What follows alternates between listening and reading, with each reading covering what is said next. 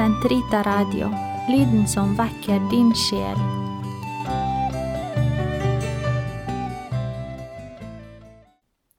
Den katolske kirkes katekisme, uke 11, onsdag, paragraf 1212 til 1216. Første kapittel Sakramentene som innvier i det kristne liv. Hele kristenlivets grunnvoll legges av de sakramenter som fører inn i det. Dåpen, fermingen og eukaristien. Deltagelsen i den guddommelige natur som gis menneskene ved Kristi nåde, innebærer en viss analogi med det naturlige livs tilblivelse, vekst og næring. For de troende som fødes til nytt liv ved dåpen, styrkes nemlig ved fermingens sakrament og mottar i eukaristien det evige livs brød. Ved de sakramenter som fører inn i det kristne liv, får de på denne måten stadig større del i det guddommelige livs rikdommer og går fremover på veien mot fullkommen kjærlighet. Første artikkel Dåpens sakrament. Den hellige dåp er grunnvollen i hele det kristne liv.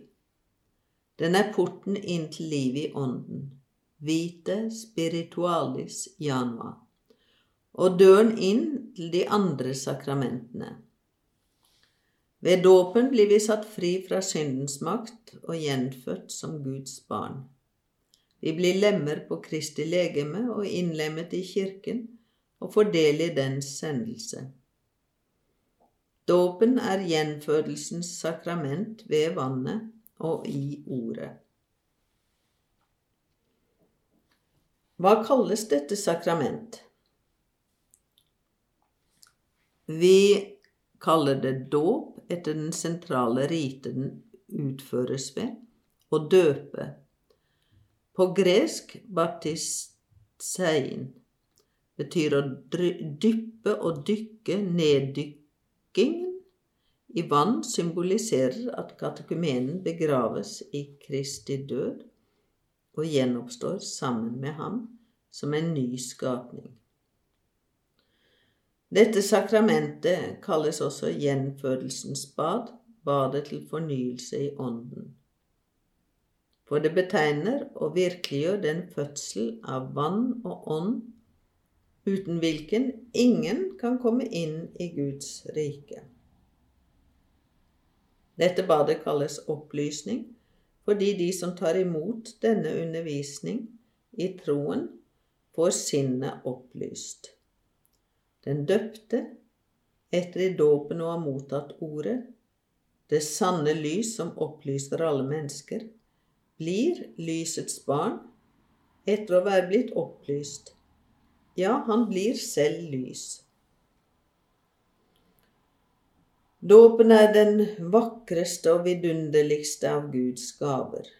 Vi kaller den gave, nåde, salving, opplysning, uforgjengelighetsdrakt, gjenfødelsens bad, seil og alt hva der har høyest pris. Gave kalles dem fordi den blir gitt av dem som intet har å gi igjen. Nåde fordi den også gis til skyldige. Dåp fordi synden blir gravlagt i vann salving fordi den er hellig og kongelig, slik de er som blir salvet, opplysning fordi den er et strålende lys, drakt fordi den skjuler vår skam, bad fordi den vasker ren, seil fordi den bevarer oss og beseiler i oss Guds herrevelde.